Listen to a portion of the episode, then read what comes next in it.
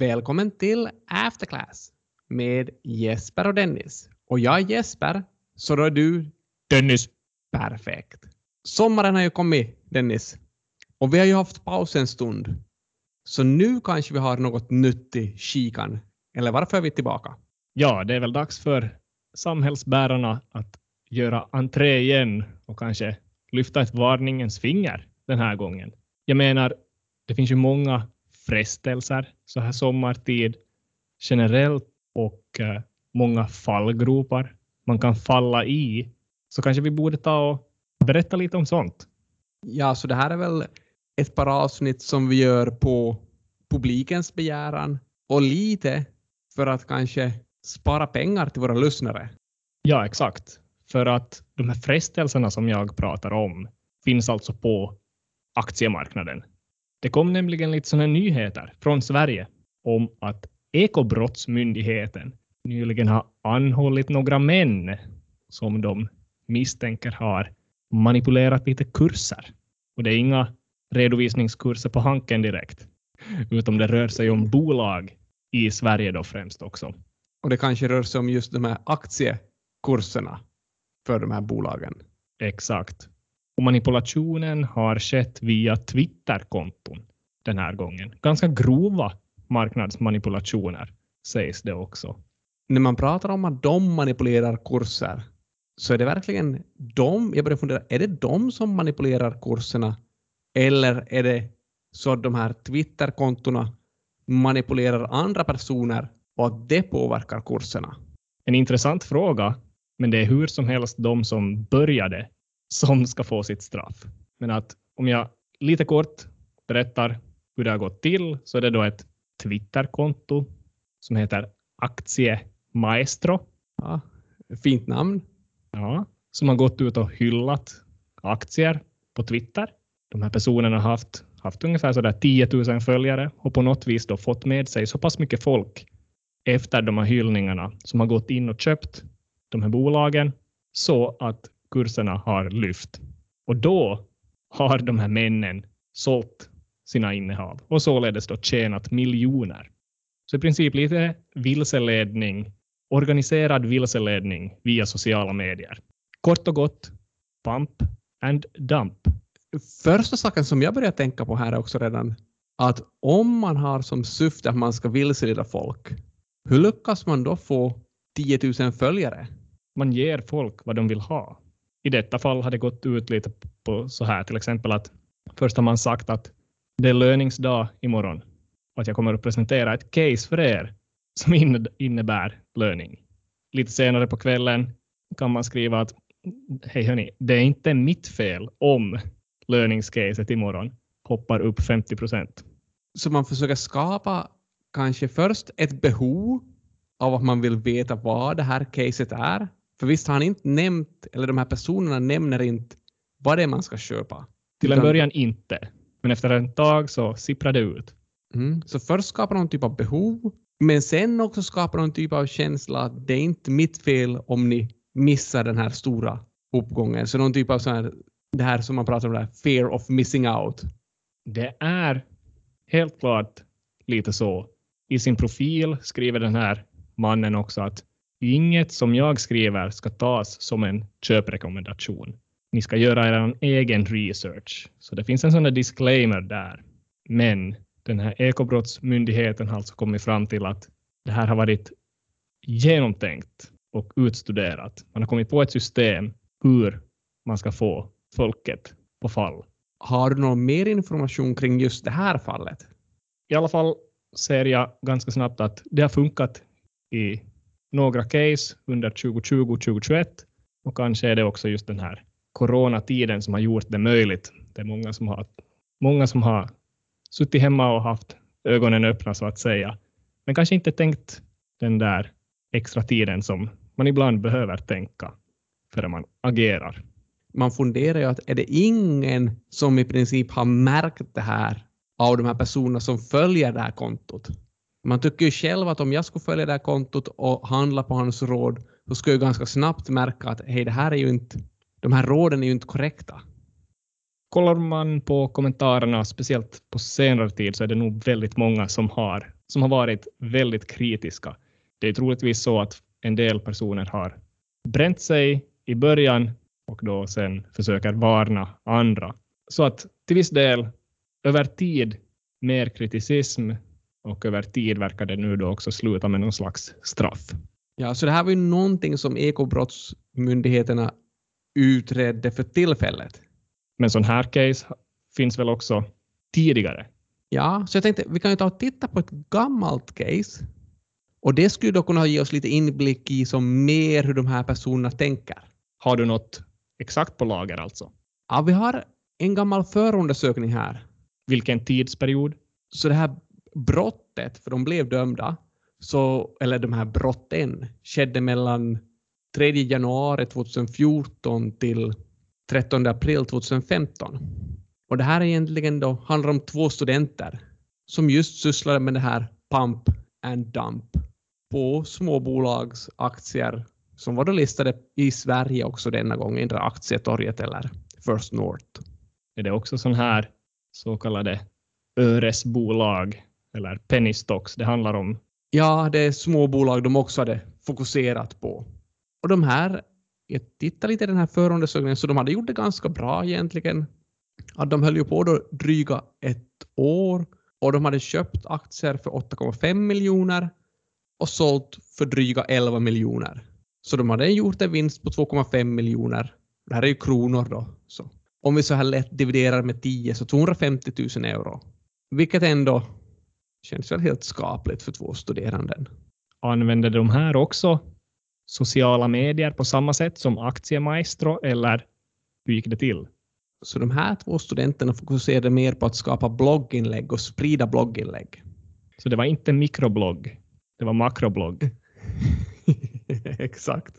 Vanliga klassiska blogginlägg. Roligt med den här förundersökningen är att de konfiskerade ju de här studenternas datorer. Så de fick ju tillgång till allt de hade på datorn. Så här i förundersökningen har de just tagit fram olika planer som de här studenterna hade för hur de skulle genomföra de här pump and dump-aktionerna. Okej, okay. så hur, hur kunde en vecka se ut då? Ja, det ser faktiskt ut på, på basen av de här planerna som om de körde halvveckor. Måndag, tisdag, onsdag. Så vad hände på måndag? Så på måndag så börjar man med att man försöker köpa aktier i bolaget för att både då ha de här aktierna men också för att pressa upp kursen. Så först av allt, man identifierar alltså ett bolag, ett litet bolag där det finns potential. Sen köper man på måndag. Viktigt här är att när man köper så vill man också att kursen ska gå upp en hel del. Så det ser ut som att den här nyheten kanske redan har lite läckt. Är det så då med de här småbolagen att man i princip själv kan få upp priset genom sina egna köp?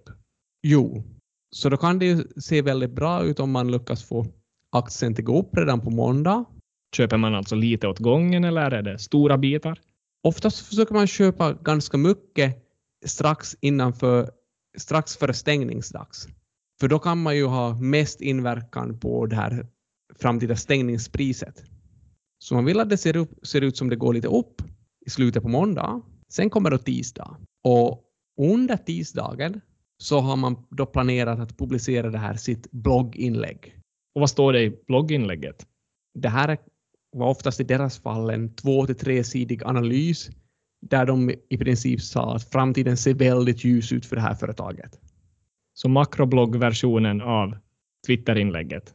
De har till och med utgett här att de oftast ville publicera det här mellan halv elva och kvart för elva för att då i princip få så bra spridning på den här nyheten som möjligt. Före lunch alltså. Och eh, folk börjar haka på på tisdag alltså? Folk börjar haka på på tisdag. Men det de också gör är att de, när de har det här blogginlägget så försöker de sprida det här blogginlägget på andra kanaler.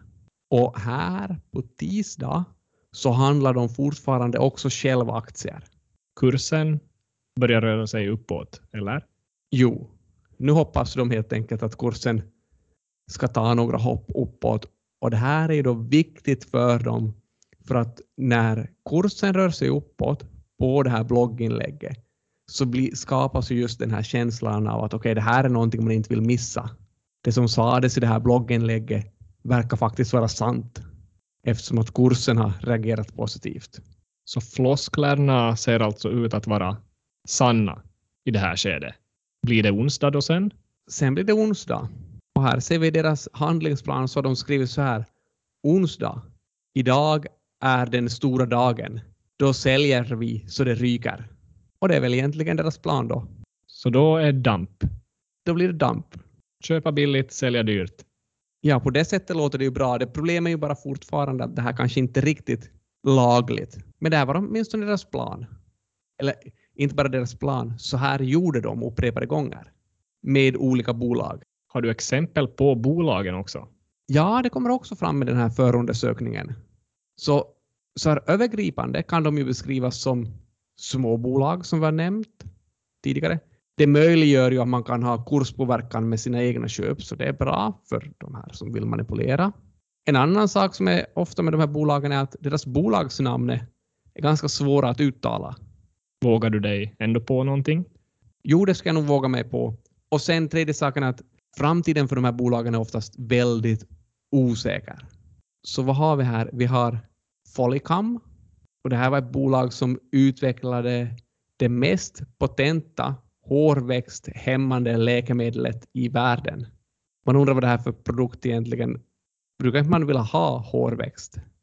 Beror det på platsen? Eller? Jo, jag kom just på det. Det kan ju ha att göra med olika på olika ställen. Gå vidare. Aletco Medical ett biotechbolag som utvecklar patenterad CE-märkt produkt för behandling av blodförgiftning.